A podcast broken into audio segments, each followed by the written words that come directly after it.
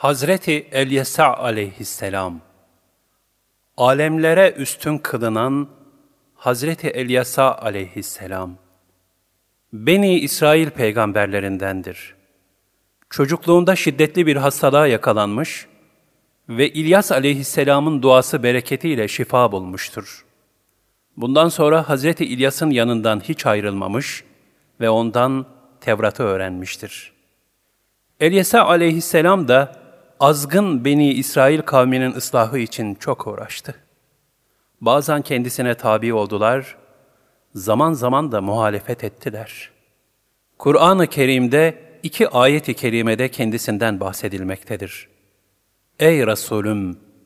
İsmail'i, El-Yesa'ı, Zülkifli de hatırla. Hepsi de en hayırlı kimselerdendi.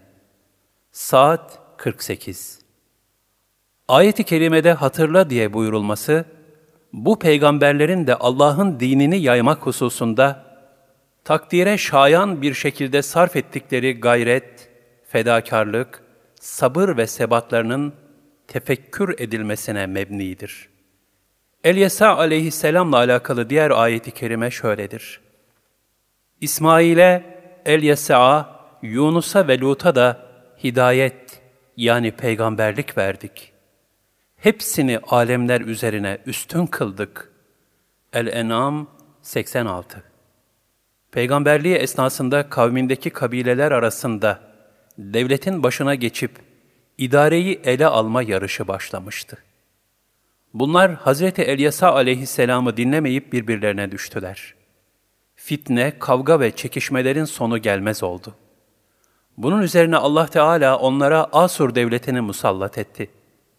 Neticede kendi yaptıkları kötü amelleri yüzünden rahmetten uzak düştüler ve Asurlulara yenilip zelil ve perişan oldular. Nişancızade Muhyiddin Mehmet Bey'in Mirat-ı Kainat adlı kitabında Elyesa aleyhisselamın mucizeleri hakkında şunlar anlatılır. Eriha şehrindeki halkın içme suları acılaşmıştı. Hemen Hazreti Elyesa'ya koştular. Kendisinden yardım talep ettiler.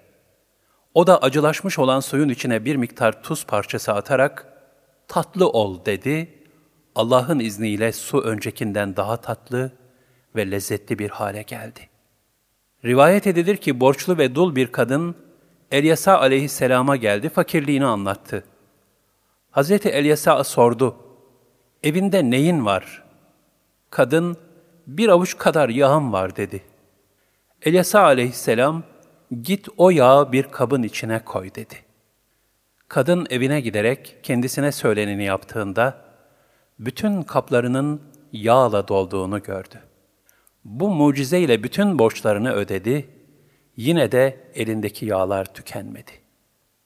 Elyesa aleyhisselam vefatına yaklaştığında, Zülkifil aleyhisselamı yanına çağırdı ve Allah'ın emriyle kendisinden sonra yerine halef olarak onu tayin etti. Aleyhisselam.